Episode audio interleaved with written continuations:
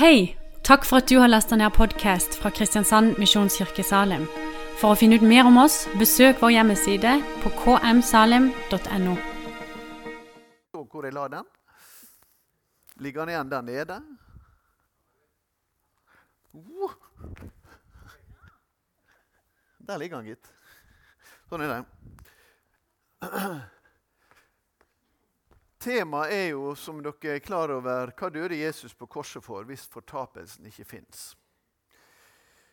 Uh, og Da tror jeg vi begynner med å sitere en av uh, uh, de som har vært her i byen.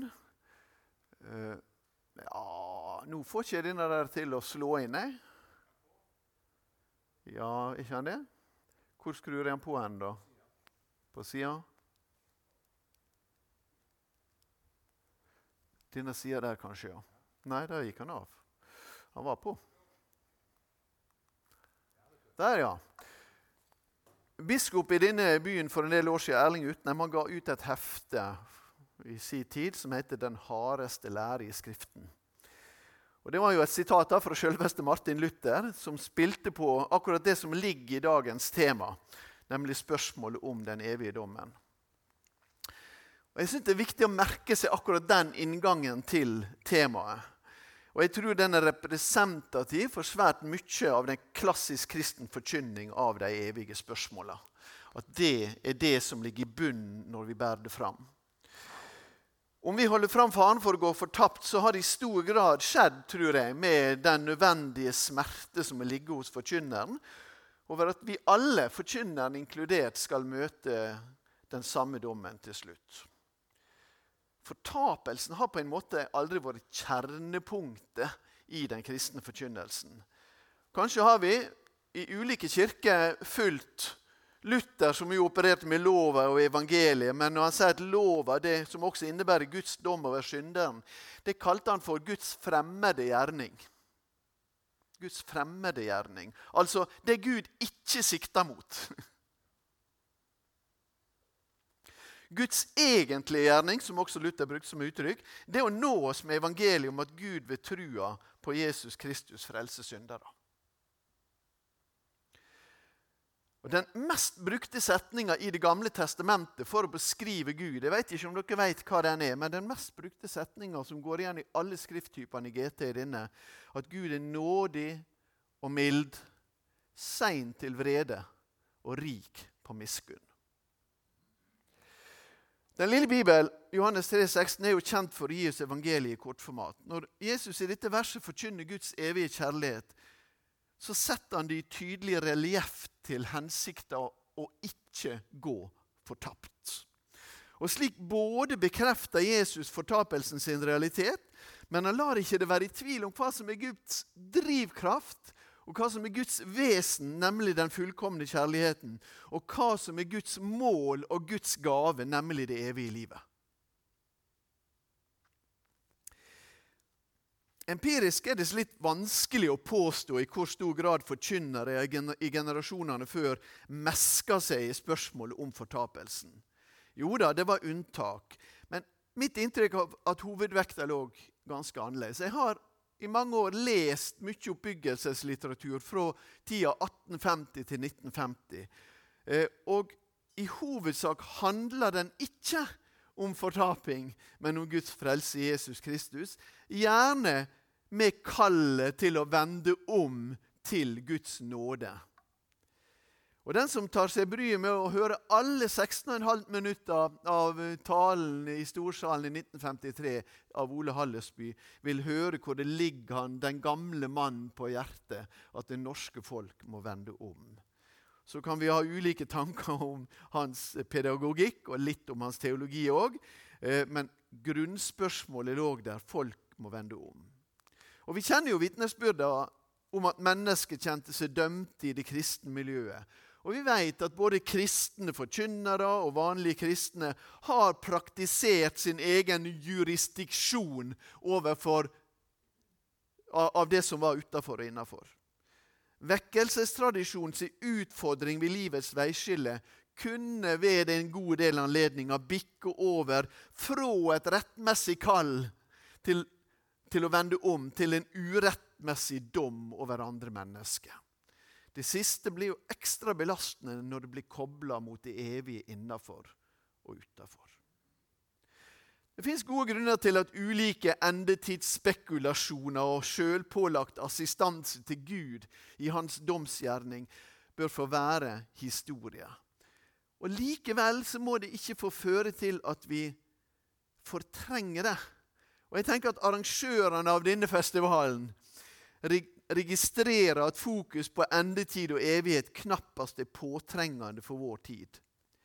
Og Når vi sier at endetid og evighet knappast er påtrengende for vår tid, så tenker jeg på deler av kirka sitt liv primært. Det er ikke noe vanskelig å vise at forkynnelsen har beveget seg fra de evige spørsmåla eh, og over i ordinære livsspørsmål, kanskje i noen ting til det gode, dette er blant forskningsresultater som en annen tidligere biskop i Agder, Olav Skjevesland, tidlig kom ut med på 1980-tallet. I misjonsteologien, som er mitt primære fagfelt, så legger jeg jo merke til at det er en driv av, av forståelse av misjon over til forvandling av liv og samfunn. Hva løfter vi fram av Hans Nilsen Hauge i jubileumsåret i 2021? Ja, Mitt inntrykk er, jo, ikke minst fra NLAs side, som har Hauge School of Management, så er mitt inntrykk av at vi løfter fram næringslivsdriveren og samfunnsreformatoren. Og det er ikke uten grunn at det har fått fokus. Tvert imot.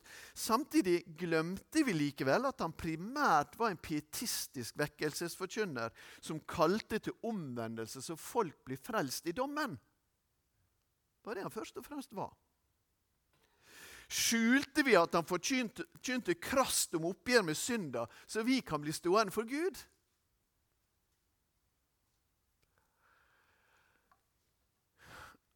Jeg er litt i tvil om det empiriske her. Både forskning, forskning både i sosiologi og teologi viser ganske tydelig det vi personlig vet og kan ane, at både gudsbildet, og forkynnelse og allmenne tanker om det evige har endra seg ganske radikalt over tid. Ikke minst har religionssosiolog Pål Repstad ved Universitetet i Agder levert mange viktige forskningsbidrag til det deskriptive.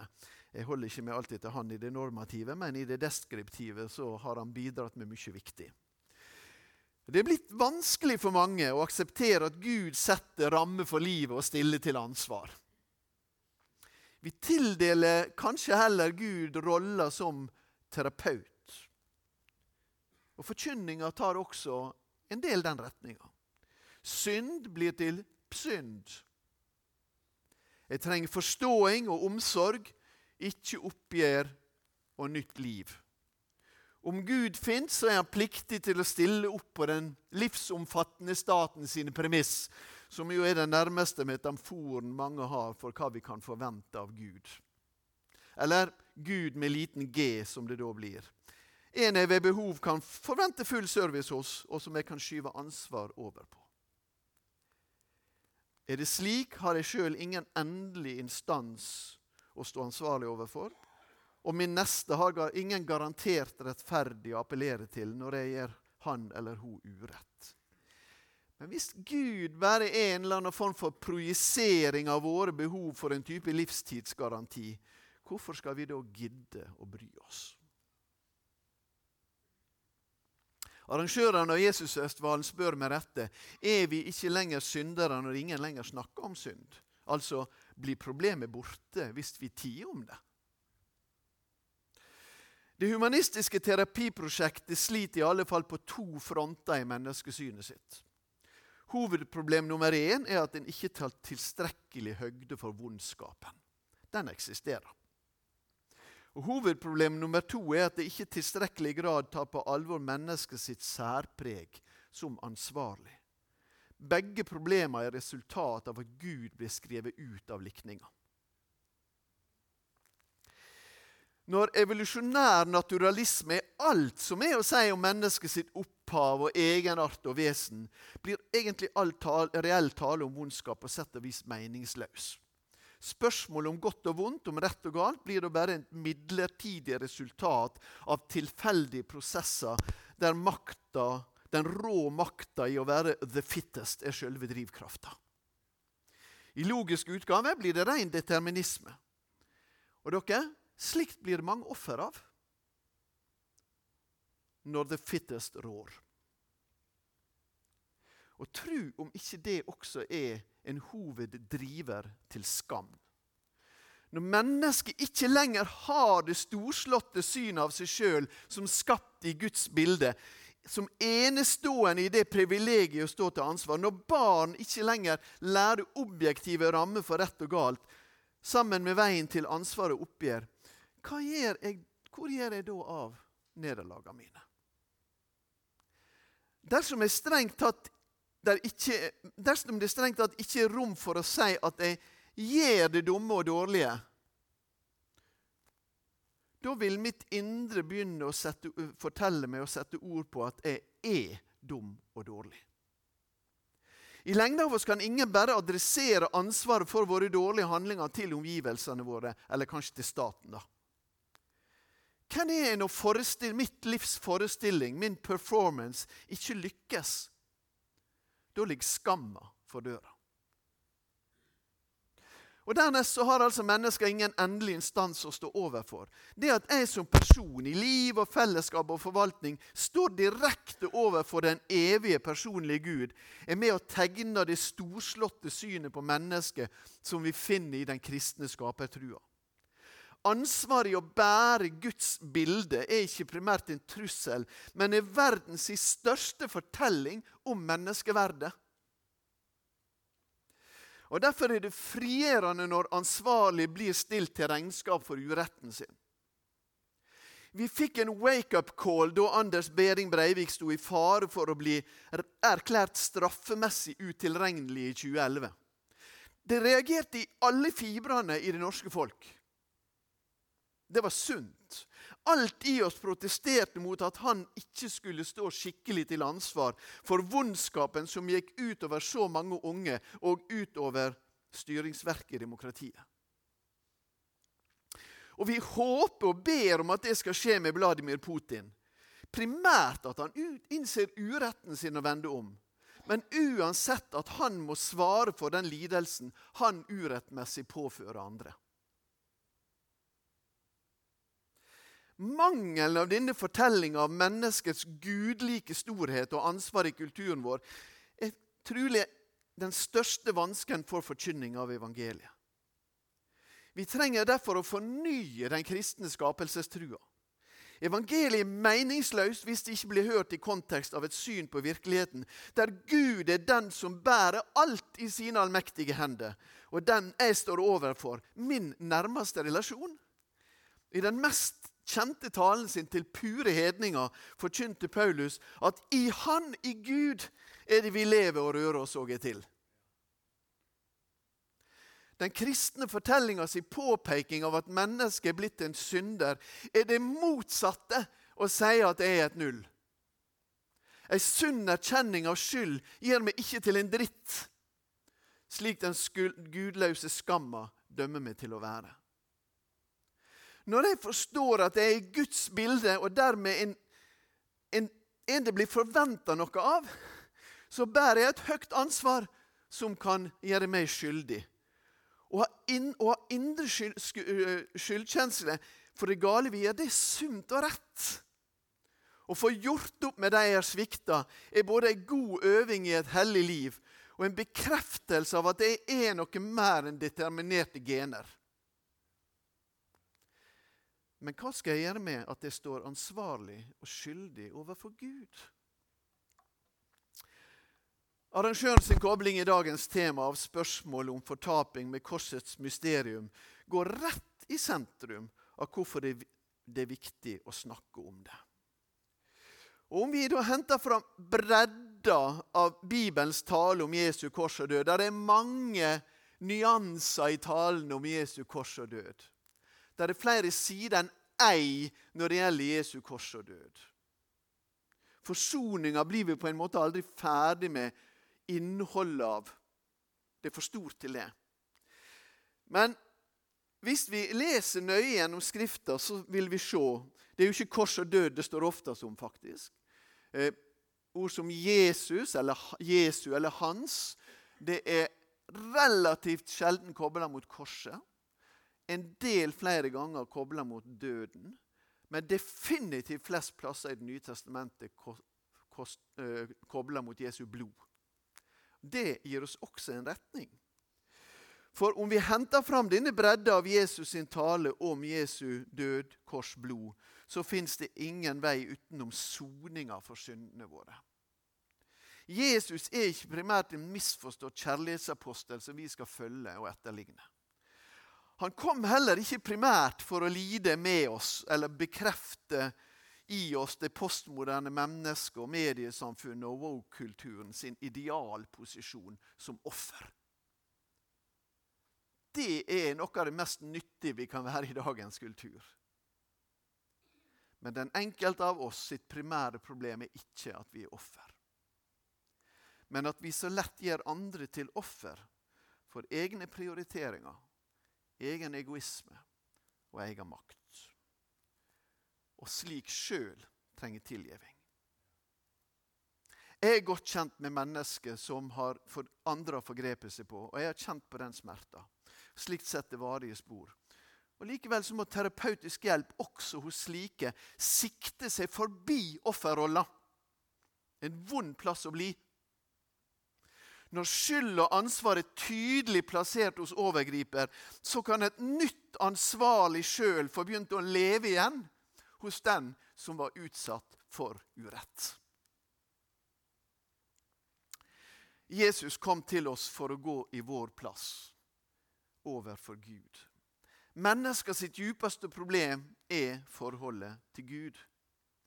Vi griper rett og slett ikke korsets mysterium uten i et nakent møte med den hellige Gud, som vi står til ansvar for.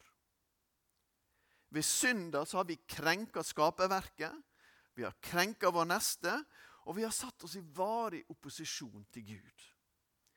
Vi er fortapt i møte med Den hellige. Derfor må skylda vår sones.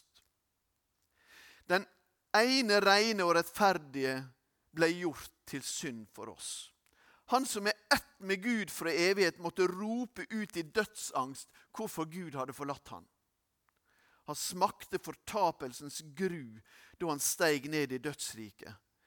Men ved det vant han også seier over både synd og skyld, død og djevel, og sto opp den tredje dagen.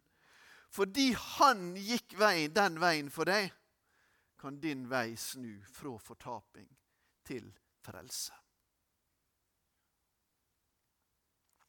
Vi var skapt til det gode og nære fellesskapet der vi hadde vår plass som skapning i kjærlighet til Skaperen.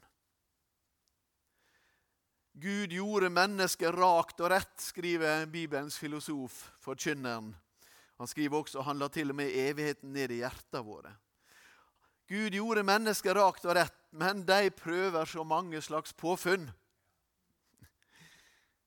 Ja, på sitt mest radikale kaller faktisk Bibelen oss for Guds fiender. Det syndige opprøret mot Gud, der vi sjøl vil ta Guds naturlige plass i egne liv, er noe vi alle er prega av og bøyer oss i retning av. En eh, ateist som jeg har lest, han, var, han kom fra frikirkesammenheng, heter Bjørn Sterk. Han har skrevet en bok for ateister om hva kristendom er. Den er faktisk veldig lesverdig. Og Han skriver om det han savner mest i livet som ateist. Det er det kristne synet på synda. For han har ingen plass å gå med den, annet enn til den allmektige staten.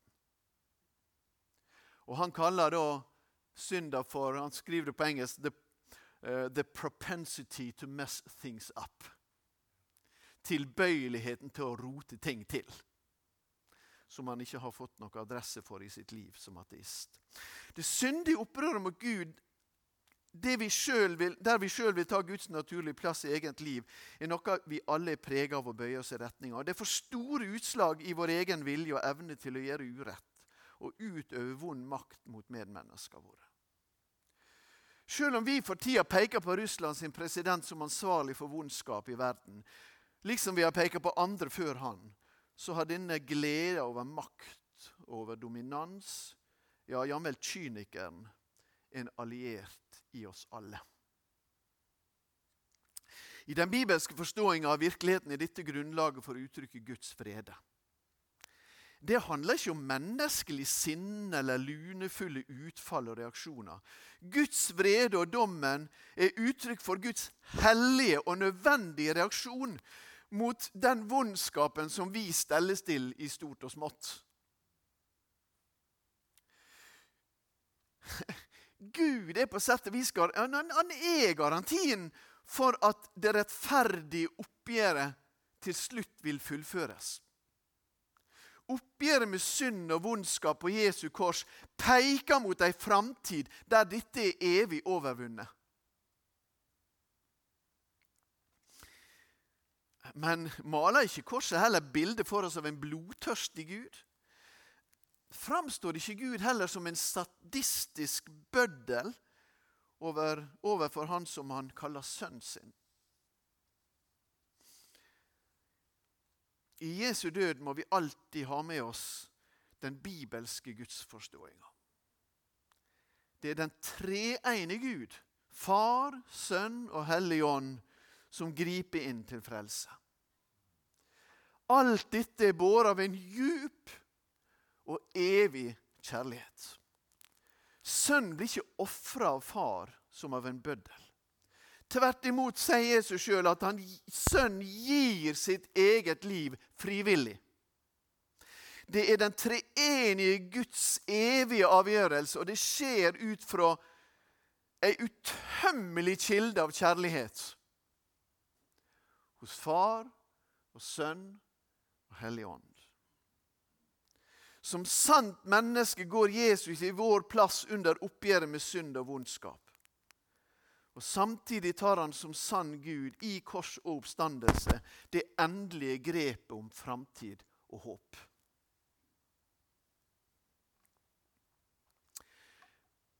Hva så? Går det til helvete med de fleste? Kunne vi spørre. Da vandrer vi inn i disse vanskelige orda. En ting er at helvete er blitt gjort ubrukelig fordi det primært er blitt et banneord i vår kultur. Eller samtidig så er det blitt et banneord fordi det er et ord for et tabu. En annen side ved dette ordet er assosiasjonene, særlig fra middelalderen. Dante, som jeg skal vise dere en illustrasjon av seinere. Eh, I det store og det hele er jo det middelalderbilder ute av kontakt med det bibelske bildet av helvete eller fortaping. Og en tredje side det språklige opphavet. Helvete er jo en norrøn omsetning av det arameiske gehenna. Ja, Det siste ordet, arameiske ordet det er jo ordet altså for Hinnomsdal. Litt der i sør-vestre hjørne på en måte av Sionshøgda i Jerusalem. For jødene var det en urein plass fordi den fra gammelt av var knytta til kanoneisk avgudsdyrking, rett og slett. Og med kanoneisk avgudsdyrking fulgte utbredt ofring av barn. Barnedrap og barneofring. Og Jødene brukte derfor Hinnomsdal bare som søppelplass. Og der det brente jevnt en ild for å brenne opp bosset. Og I samtida sin jødedom, og særlig i apokalyptikken, så har det utvikla seg en bruk av dette begrepet Gehenna, Hinnomsdal, som Guds endelige oppgjør. ble brukt billedlig om Guds endelige oppgjør med uregnskap og vondskap. Det som i Det gamle testamentet blir kalt for Herrens dag.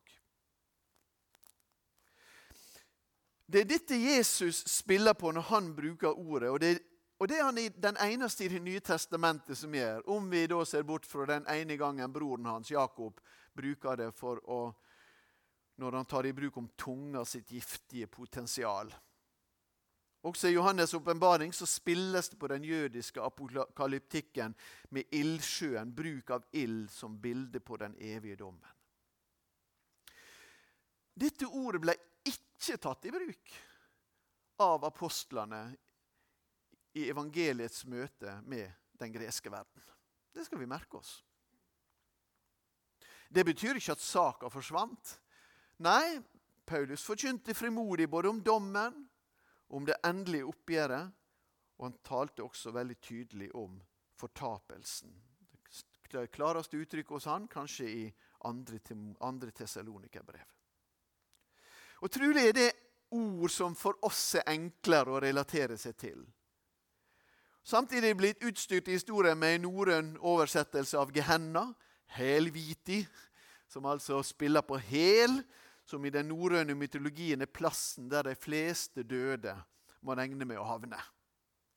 Der er det grått og trist, men i den norrøne mytologien bærer ikke plassen primært preg av straff og dom, bare av gråhet og tristhet.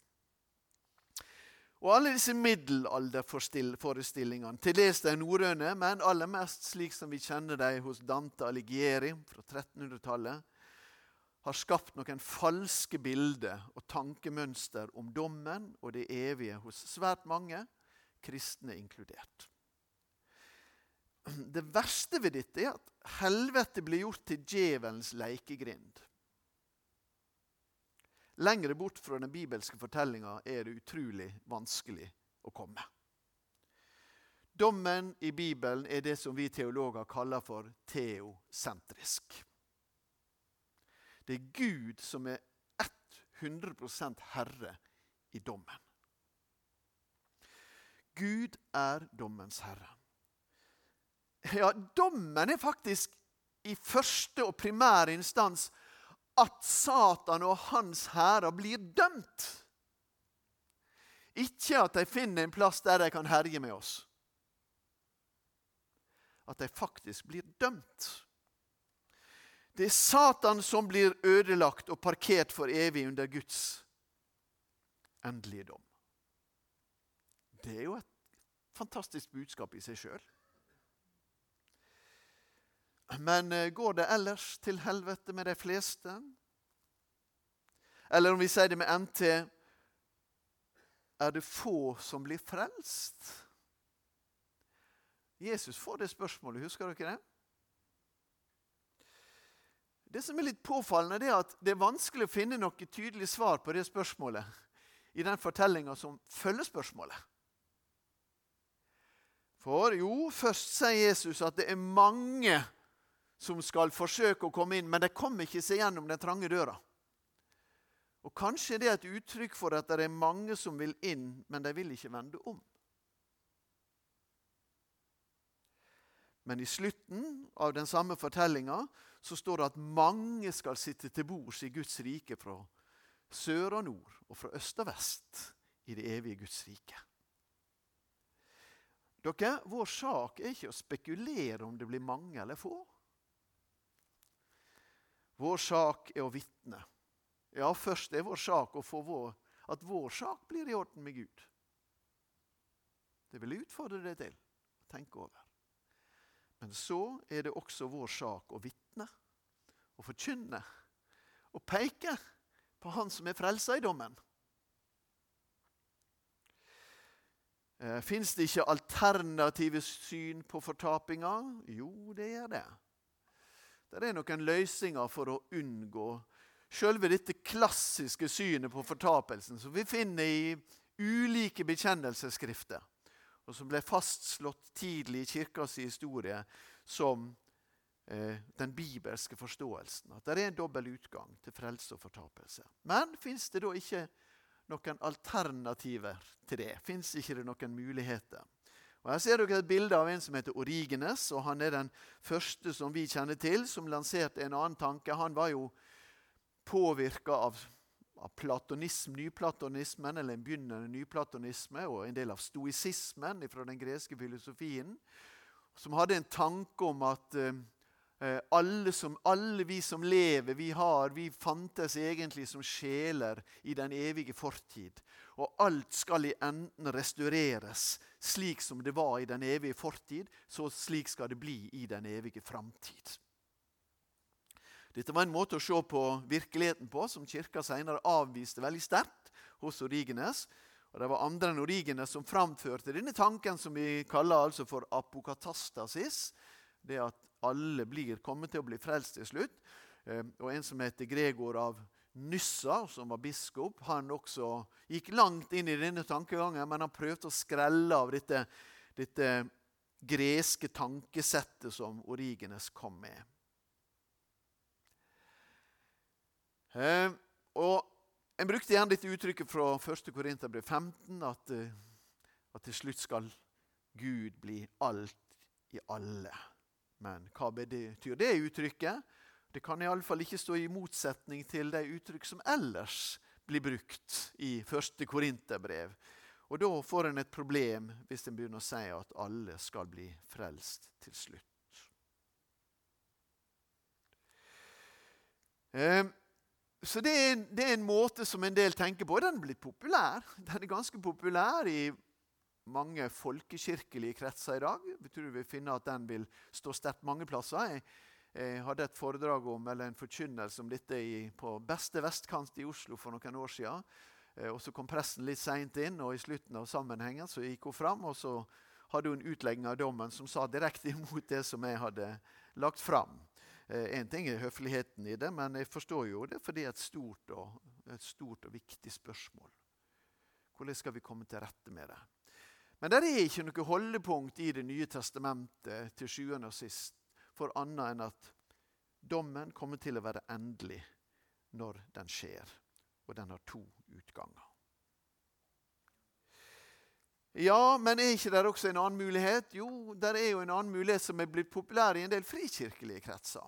Som kom til et stykke etter reformasjonen, som ble veldig populær gjennom adventismen på 1800-tallet. Og som egentlig i evangelikale kretser har vært et stykke på avstand, men som likevel har fått en viss, til, en viss tilslutning med tida. Eh, John Stott slutta ikke seg uten videre til det. Jeg har lest hele boka hans der han skriver om det. Eh, men han går langt i å åpne for det. Og John Stott har betydd veldig mye for veldig mange av oss. Eh, og Som gjør at vi også har måttet reflektert over dette. Er dommen, er den evige død, rett og slett en utslettelse? Slik som dette greske ordet 'apolymi' jo egentlig betyr. Det som vi oversetter med å gå fortapt. Det betyr å bli ødelagt og bli nedbrutt. Ehm. Jeg har lyst til å si Når vi får opp sånne tanker som dette, når noen innimellom prøver seg på spørsmålet Også når Rob Bell forsøkte å se på spørsmålet med 'Love Wins' for noen år siden. og Jeg har den boka liggende her nede. og Jeg har lest den. Eh, og han, han, bruker jo mye store bokstaver og store ord, så jeg forstår jo at det er vanskelig å komme i dialog med så store bokstaver og så store ord som han først bruker når han begynner å komme til en annen erkjennelse. Og Samtidig ønsker jeg å lytte til det, for hva er drivkraft? Hva er det som er nøden bak det? Når noen innimellom spekulerer i om alle blir frelst til slutt, eller om dommen egentlig betyr utsletting for de som ikke blir frelst, så ligger det ofte en god hensikt bak. Det ligger en djup smerte i budskapet om fortapelsen. Samtidig så kan ikke våre fromme ønsker styre trua sitt innhold. Og ingen av disse variantene synes å ha støtte i Jesus og apostlene sin lære. Vi må, for, vi må forholde oss til det som Gud har åpenbart for oss. Hva Gud har makt og rom til å gjøre utafor det som er åpenbart for oss, det er ikke vår sak. Det er ikke vår sak. Vi trenger å leve med det som jeg får trekke en Luther sjøl, men ikke en Luthers sammenheng her. En gang til. Noe av det beste med Luther for reformasjonen det er at han holdt fram et sterkt bilde av det som han kalte for deus absconditus. Den skjulte Gud. Vi må lære oss å leve med den skjulte Gud. Og I dette spørsmålet så tenker jeg at det er høyaktuelt at vi må lære oss å leve med den skjulte Gud. Vi må forholde oss til det Gud har åpenbart for oss. Og Derfor er det så avgjørende viktig at Kirka i sitt misjonsoppdrag ikke blir redusert til livshjelp, men reelt retter seg mot en oppgjort relasjon med Gud i livet og gjennom døden.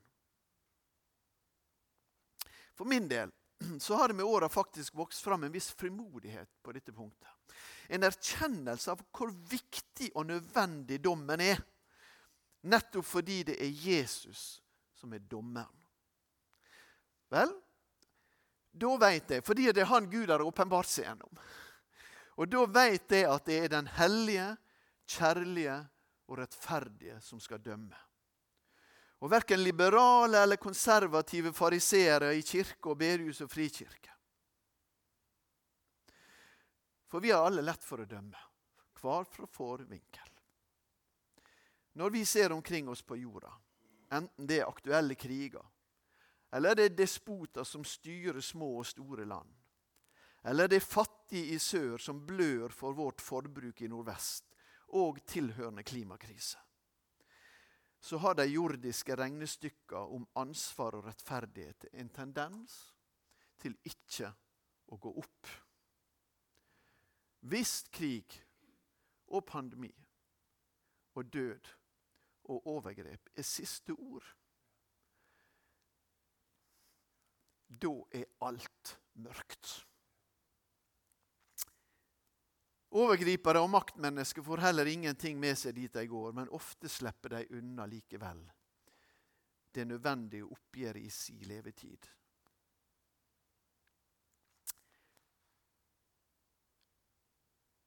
For meg er det blitt ei trøst på mange måter at i dommen skal rettferdigheten skje fyldest ved at Den hellige sjøl får det siste ordet. I det minste er det noe som min neste trenger. Kanskje kan vi til og med si at det ligger en djup respekt i at alle ikke blir frelst. Frelsa er en kjærlighetsrelasjon. Når noen i møte med den kjærlige invitasjonen til frelse konstant og konsekvent reagerer med å avslå, så kan vi kanskje ane en guddommelig respekt for aversjon mot Gud. Kjærlighet og tvang går veldig dårlig sammen. I boka si 'Den store skilsmissen', som jo er en fabel eh, om å lese som det, men så skriver jo C.S. Lewis disse sterke orda, eller kjente orda. There are two kinds of people. Those who say to God, Thy will be done. And those to whom God says, All right then, have it your way. Skal vi ta en rask oversettelse av det, så er det altså det er to slags mennesker. De som sier til Gud, Din vilje skje og de som Gud sier til. OK, din vilje skje. Det som er klart fra Guds ord, er at det kommer en dom. At den blir til frelse og fortaping. Og at dommen er endelig. Det vi også vet, er at Gud gjør alt som skal til for å nå oss med sin kjærlighet. Slik han beviste da han gav sin egen sønn til soning for syndene våre. At Gud vil at alle mennesker skal bli frelst, også fra fortaping, er sentrum i det oppdraget som Gud ga kirka, om å gjøre Jesus kjent, så han blir trudd, elska og etterfølgt. Forkynner ikke vi det, tar vi ikke Kristi kors på alvor.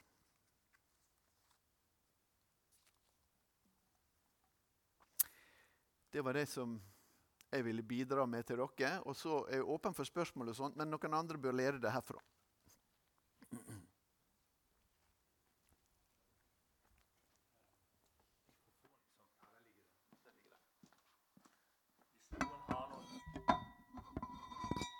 Spørsmål, så kan jeg gå rundt med denne. Jeg kan jo begynne med et. Uh, dette temaet uh, tenkte jeg mye på etter å ha hørt forfatter og pinsepastor Peter Haldorf i Domkirka.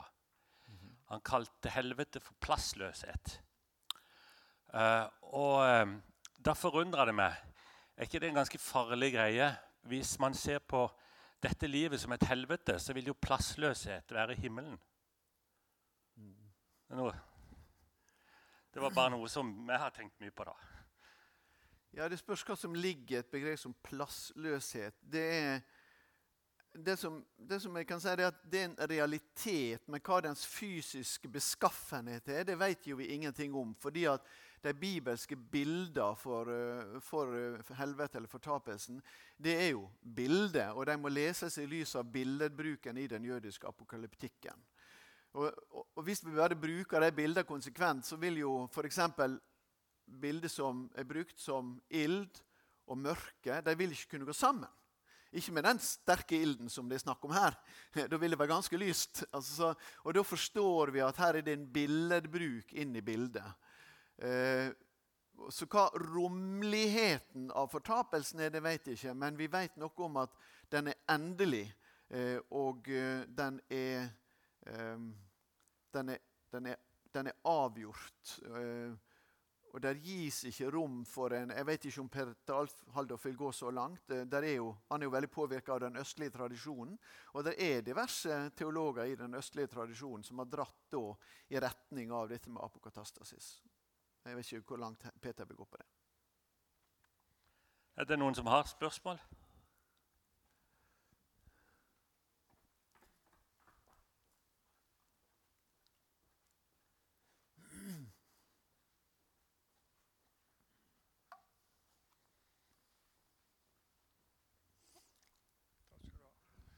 takk for foredrag. Det var så fullt at det, det flyter ganske over. Um, det som jeg funderer over, som har vokst opp i en petistisk tradisjon med mye frykt for helvete, som var på 50- og 60-tallet Det er Hva slags tanker har du om å forkynne dette i vårt eget liv eh, og for mennesker i dag? For Eh, det er vel angivelig sånn at en god del mennesker avskriver kristendommen pga. oss kristne. Kanskje.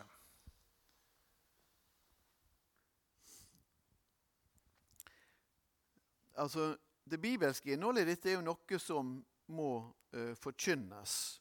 Uh, men jeg tror at det har skjedd mange ganger på litt rare kulturelle premiss. og det er når vi har sånne vitnesbyrd fra 1950-tallet, som du sier, og det er jo der vi har Hallesby sin tale fra også, så, eh, så er det jo, så er det jo da forestillinger En har ofte brakt med seg forestillinger som en ikke har hatt altfor god bibelsk dekning for.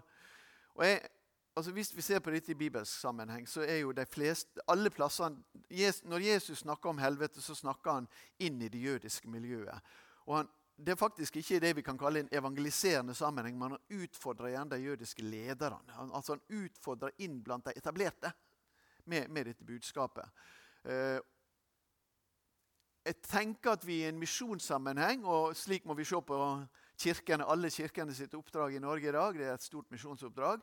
I misjonssammenheng så har vi mye mer å lære av Paulus eh, som er i møte med eh, ulike form for, eh, former for hedninger i sin greske samtid, men der han tar i bruk et annet eh, ord, andre ord, og i mindre grad de bilder som det her knyttes til i kommunikasjonen inn mot jødiske, uh, det jødiske interne miljøet.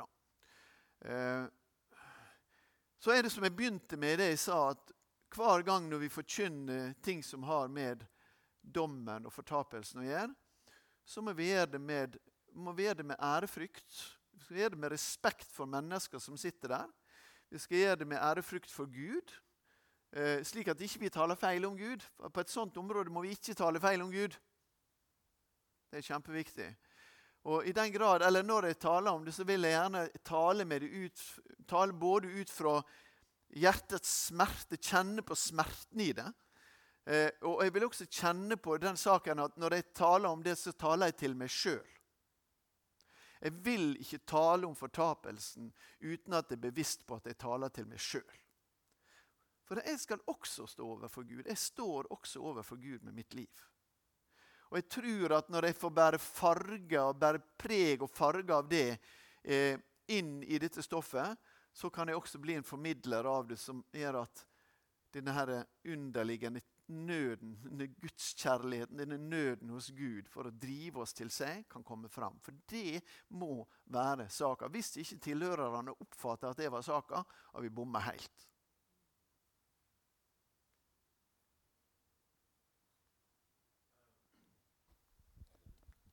Hallo. Uh, tusen takk. Um, uh, jeg har sett en del artikler skrevet av flere som avskriver si, en, en, fortapelse, der de angriper uttrykket 'evig'. Ja. Uh, kan, du, kan, du, si noe om det? Ja, det kan jeg si. Eh, det er på, på, hebraisk så det et ord som heter 'olam'. og Vi snakker ofte om har egentlig, har egentlig jødene og hebraisken et, noe uttrykk for det evige. Vel, de har iallfall et syn på Gud som evig. Gud er, og, og, Gud, Når en skal uttrykke at Gud er evig, så er Gud olam. Og betyr, altså for olam det kan bety en lang tid, en tidsperiode. Eh, så det har, det har, et strekkbart innhold. og Normalt så betyr det bare en lang tid. Men hvis vi sier at Gud er evig i en jødisk gammeltestamentlig kontekst, så mener ikke vi at Gud bare varer lang tid. Da mener vi faktisk at Gud er evig. Når vi kommer til Det nye testamentet, så er det ulike uttrykk. Men altså, du har jo dette eon-begrepet, aion, som, som, knytter seg til begrepet eh, som også kan bety, kan, be, kan ha ulike, kan bety en tidsperiode, en tidshusholdning. Men når vi lager adjektiv av det og får eh, evig tid, så vil det i Det nye testamentet jo, vil vi lettere koble det til den greske set, konteksten. altså sier det, det greske Nye testamentet. Og I det greske så har en jo en forståelse av det evige som da er ganske fordi at En har jo også et annet tidsbegrep enn i den jødiske sammenhengen. Eh, og en vil snakke om ja, er evigheten noe annet enn på en måte et evig nå? Altså et evig nu, nå. Eh, eller, eller hva, hva, er erfaringa av det evige? Og Da vil en da si det at neimen, det kan vi jo i liten grad uttale oss om. Eh, hvordan vi kan erfare det evige. Eh, og igjen så er det Så må vi tilbake til ja, hva, hva vet vi, hva har vi fått åpenbart? Jo, vi har fått åpenbart noe om at evigheten jo ikke handler om at vi skal til himmels. Og Det var igjen Erling Utnem som var her i byen, som er en av mine favorittbiskoper fra Den norske kirke. Eh, han, han, skrev jo veldig tydelig om dette at det kristne håpet det er, at, det er jo at Gud stiger ned til mennesker. At himmelen stiger ned til mennesker. Eh, og da er det i tids, altså Da er det i verdensbegrepet på en måte en kombinasjon av det skapte som fullkommenliggjøres, samtidig som det evige som er uskapt, stiger ned til oss. Og Hvordan kombineres det skapte og det uskapte? Og Da er det akkurat det samme med evighetsbegrepet. Den evige, for Gud er den evige. Det vil også en tenke i en jødisk kontekst. Hvordan skal vi tenke om tid og evighet når når, når, når, når, evigheten stiger ned i det skapte, ned i den skapte tida, hva, er det for noe? Ja, det, det, har ikke vi helt sånn gode begrep for. Men det er noe som skal vare, noe som ikke tar slutt. Jeg tror vi kan fastslå i, i Skrifta. Eh, men så har vi da disse begrepene hos Johannes. Sant? At eh, Han gir oss evig liv, og han gir oss evig død. Og Det har vi allerede her og nå. Altså Det er ikke noe vi skal vente på. Det er noe vi har del i allerede her og nå. Så det evige er ikke noe vi må vente på, men det har inntrådt fordi at det evige representerer en tidsalder som er ulik den tidsalderen vi ellers lever i og fysisk sitter i her. Eh, og det er jo det som heter Guds rike. Den tidsalderen er jo Guds rike, og som vi allerede har, men som ennå ikke er kommet i sin fulle fylde. Men her er det så mye som vi ikke kan vite. og Jeg har lyst til å ha respekt for det, men, men noe av det handler iallfall om at evighetsbegrepet eh, er et strekkbart begrep. Og hva betyr det på hver enkelt plass der det er brukt? Men om Gud er det iallfall et evig begrep. Og om frelsa er det iallfall et begrep om noe som aldri skal ta slutt. Og hva grunn har vi da til å si at det skal ta slutt akkurat når vi snakker om det motsatte begrepet av evig liv, nemlig evig død? Eh, og Det er jo litt av det som er, det som er spørsmålet i det. Var det greit nok? Bak der. Ved siden av Bjørn Øyvind. Ved siden av Bjørn Øyvind? Jeg trodde det var Bjørn Øyvind. Har nok et spørsmål du jo kjenner deg rett. Hallo, står det ikke et sted at Gud ikke er vred for evig hos en av profetene? Jeg husker ikke hvem, men jeg mener at jeg hadde lest det. Og så tenkte jeg på er det, had, eh, Jeg vil jo ønske at eh, de fikk en ny sjanse når de har opplevd hva fortapelsen vil si. Og så Ja, er det veldig vanskelig også, å, å forstå hensikten med at noen skal, hvis de skal pines, og at de skal pines evig. Hva er hensikten? Ja, Ja, det er store viktige spørsmål. Og er det en sjanse etter døden? Jeg er ikke i stand til å svare verken ja eller nei på det. Jeg må svare at det ligger ikke i min husholdning å vite noe om det. Eh, Men jeg innrømmer Gud full rett til å gjøre som han vil med det. Og ut fra slik som jeg kjenner Gud, så kan jeg godt forestille meg det. Men jeg kan ikke forkynne det som kirka sin lære, at det finnes, vil finnes en slik mulighet. Men min kjennskap til Gud gjennom, gjennom Jesus Kristus er at han kommer til å sette alle kluter til. Om så folk vil motta kallet i den posisjonen de da er i, det vet jeg fortsatt ikke. Og da er det fabelen til C.S. Lewis, altså den store skilsmissen som kom inn. At de som er der da i dette mørke riket, som hos Lewis da i helvete, på bussturen til himmelen, de, de fant seg ikke til rette der, så de ville tilbake. Igjen, det er en spekulasjon, det er en fabel, så jeg veit ikke. Eh, er ikke evig harm, sier Gud. Nei, det sier han jo mange ganger i Det gamle testamentet til Israel. Det er det som stadig skjer igjen med, med det jødiske folket. Jeg ser, ser det samme med oss, det er bare det at det jødiske folket er blitt demonstrasjonsfolket. De er ikke noe bedre eller verre enn oss, vi er akkurat like. Men i Det gamle testamentet så er det demonstrasjonsfolket på at Gud lar sin, lar sin straff og sin harme ramme folket. Men han kan aldri forbli i det, for han har gitt deg et løfte, og det er kjærlighetens løfte. Eh, og så Det er i den sammenhengen det blir brukt. Og Så har du dette begrepet som forteller at han er sein til vrede. Og dere, Det står aldri at Gud er sein til kjærlighet. Det står aldri at han er sein til rettferdighet. Det står aldri at han er sein til hellighet. Og Det er fordi at hans hellighet og hans kjærlighet og hans rettferdighet, det er hans vesen. Det er det som er hans vesen. Det er det han er. Mens hans frede, det er noe han har. Og som han må møte oss med for å ta på alvor at vi er mennesker skapt i Guds bilde. Og så er det vel også noe med det som jeg prøvde å avslutte med, her, at vi får avfinne oss med at vi gjør våre valg, og at Gud respekterer våre valg. Kanskje det er et element i dette. Um, ja. Nei, spørsmålet er store, spørsmålet er gode. Eh, Hva var det siste spørsmålet du stilte? Kan du gjenta det? sånn at jeg får det igjen? Har det noen hensikt? Ja, ja om den har en hensikt. Eh, den kan jo rett og slett ha den hensikt at de mennesker som ikke ønsker seg inn i fellesskap med Gud, eh, får det slik som C.S. Lewis sier OK, then have it your way. At det er hensikten. At ikke det først og fremst altså at, at det ikke først og fremst legges vekt på en evig pine og evig nærvær av vrede, men at det legges vekt på et evig fravær av Guds kjærlighet, og det er sjølvalgt. At det, at det er noe av hensikten som kan Og Hvis vi spør etter ordet hensikt Alltid farlig å bruke ord som hensikt, fordi at eh, vi kan snakke om ting som vi ikke har, no, har nok innsikt i. Og det er masse her er, vi ikke har noe innsikt i. Men, men kanskje det er en måte å kunne tenke det på, slik som C.S. Lewis skriver det. Et forslag til, et bidrag i alle fall inn i tanken. Bjørn Øyvind?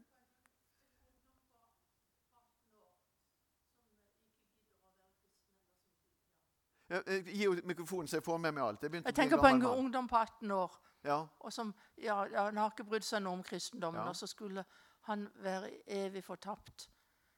Men hvis det, det altså Jeg er helt sikker på at Gud vil etterjage hvem som helst, også den som avviser han. Eh, samme hva alderen er, også en som er 18 år. En, en som er 18 år, har forhåpentligvis et løp foran seg der, der Gud får etterjage ham så mye at han får hente han inn til det som Gud egentlig vil. Men i det sju, til sjuende sist, om en er 18 eller 88, så vil, der, så, vil der, så vil en måtte stå til ansvar for sitt liv og for sitt valg og for sin avvisning av den kjærlighet som Gud viser. Og vi vil komme til å møte en Går det an å bruke det uttrykket at vi vil møte en form for respekt fra Guds side for at det valget gjorde vi? Dit var det vi kom. Og så får vi da stå til ansvar for våre liv inn i dette. Bjørn Øyvind? Jeg vil gjerne takke deg for det du har eh, gitt oss eh, eh, i formiddag. For jeg tror det er bibelsk og godt begrunna. Men det er vanskelig. Det er forferdelig vanskelig å snakke om disse tingene. Fordi vi blir følelsesmessig engasjert, og vi tenker rundt oss. Og kanskje er det noe av utfordringen også, at vi, vi krever egentlig å forstå det som ligger utenfor det som er vår forståelsesramme, tenker jeg noen ganger. Og derfor er, derfor er ordet 'helvete' er et ord jeg jeg viker veldig tilbake for å bruke det. Jeg bruker konsekvent fortapelse når jeg preker. Jeg bruker helvete når det står i Skriften, for den vil jeg gjerne lese. Men at vi er litt forsiktige med måten vi snakker om det på. Eh, og så tenker jeg at fortapelsen eller dommen, riktigere sagt, den må knyttes opp mot håpstanken, som du gjorde. Dommen, det er slutten på djevelskapen. Det er den endelige stopper for alt som vondt er. I alle former, til alle tider, i alle hjerter. Og dommen er jo det som Hadde vi ikke hatt Guds endelige dom, så hadde vi jo vært uten håp. Du sa det veldig fint. Og Derfor tenker jeg at vi må knytte fortapelsen til håpstanken. Og la håpet få lov å dominere. Og samtidig knytter opp til at det som ligger eh, utenfor denne rammen som ligger i tid og rom, og min tanke og vår tanke kan forestille oss, det må vi overlate til Gud. Og hvis ikke vi er villige til å overlate den biten som ligger utenfor, tid og rom til Gud, da gjør vi jo krav på å være Gud selv, og det skal vi trekke oss tilbake fra. Vi skal la Gud være Gud. Og det betyr at vi får overlate det til at vi ikke forstår det, og at det ligger utenfor der, men at vårt håp knytter til det. Eh, så kan vi ha noen hjelpetanker som noen forsøker. Og jeg er veldig glad for det du også sa om den skjulte Gud at Gud ikke har bundet seg selv. Deus absconditus. Gud er Gud. Og der ligger også vårt håp.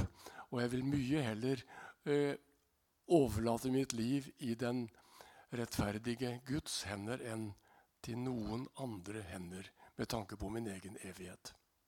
Det er mitt håp. Amen til det. Jeg bruker heller ikke ordet helvete annet enn jeg får sånne oppdrag som dette. Jeg vet ikke om det var flere spørsmål. Eller så skal vi eh, snart gå inn for landing. Ute er det jo kafé. Jeg vet ikke om dere har fått med dere det. Og eh, der kan du få både kaffe og kringle. Hvis du har lyst til å gi en gave til Jesusfestivalen, så får du lov til det òg. Da kommer det et Vipps-nummer på veggen som eh, ser ut eh, sånn som det. Men før du går ned, så må jeg jo bare si eh, Jeg har lyst til å stille et spørsmål. Kjøde, eller Rolf, eh, du, takk for et velforberedt vel forberedt og en, en god og grundig inngang til dette temaet. Dette var noe for oss som er forkynnere og predikanter. Det var noe for oss alle. For hvordan skal vi forkynne om dette i denne tida? Det syns jeg du har på en måte vist oss en vei inn i nå. Så vi skulle gjerne hørt det en gang til. Skulle vi ikke det? Det var så bra at vi skulle gjerne hørt det en gang til. Da måtte det være himmelen. What? da måtte det være himmelen. da måtte det være himmelen. Ja, riktig. Men i alle fall så er denne talen tatt opp. Den blir lagt ut på vår podkast, og eh, der finner du den. Og så Eh, kan det hende vi kan få kopiert opp noen CD-er med din tillatelse? Ja, de kan sende det. Og så det, det, det, det manuset ditt kan du sende til meg. Og det betyr at uh, før det kom ut i bokform som Men la meg bare spørre. Bjørnson han sa uh, uh, altså Det var dette med troen på fortapelsen, og, og, han ser på de kristne. Deres ro forferder meg. altså hvis det, Noe sånt som det. ikke sant? Eh, I hvor stor grad altså Evangeliseringsiveren den er ikke alltid like stor i dag. Tenk, hvordan tenker du at, uh, at fortapelsens virkelighet må være et motiv i evangelisering? Jeg vet ikke hvor mye stor grad selv, altså Hvis du bruker det ordet 'helvetesmotivet', trenger å være en del av det. Men jeg til, da vil jeg forholde meg til, eh, altså, til den doble motivasjonen som Paulus holder fram i 2. Korinterbrev 5 der han begynner avsnittet i vers 11 med å si at fordi vi, og da har han nettopp snakket om at vi i vers 10 at vi skal alle fram for Kristi domstol og gjøre regnskap for livet vårt. Og så sier han i vers 11 fordi vi kjenner frykten for Herren i vårt hjerte. Og det må jo relatere seg til det. Altså, Jeg skal stå til ansvar for livet mitt. Ja. Fordi vi kjenner frykten for Herren i vårt hjerte, så søker vi å vinne mennesker. Uh, og da er det kanskje ikke altså Kanskje det er både òg. Det, det, er ikke det er iallfall ikke bare frykta for hvordan det skal gå med deg, men det er rett og slett for mitt ansvar. Jeg skal stå for Guds, jeg har fått ja. så mye fra Gud, og jeg skal stå til ansvar for Han. Ja. Og fordi jeg kjenner frykten for Gud, Det er den hellige jeg står overfor. Jeg står ikke overfor en, Det er ingen tam løve, sier de i Narnia. Han er ingen tam løve. Det er han jeg står overfor. Og fordi jeg kjenner denne ærefrykten for Gud, så prøver jeg å vinne mennesker. Og der inngår det noe i det. Men så sier han seinere i det samme avsnittet, i det vers 14 eller 15, så sier han det at at Men Kristi kjærleik tvinger meg. Og så kommer selve oppdraget videre, der vi er kalt til å være sendebud for Kristus. i Kristi sted.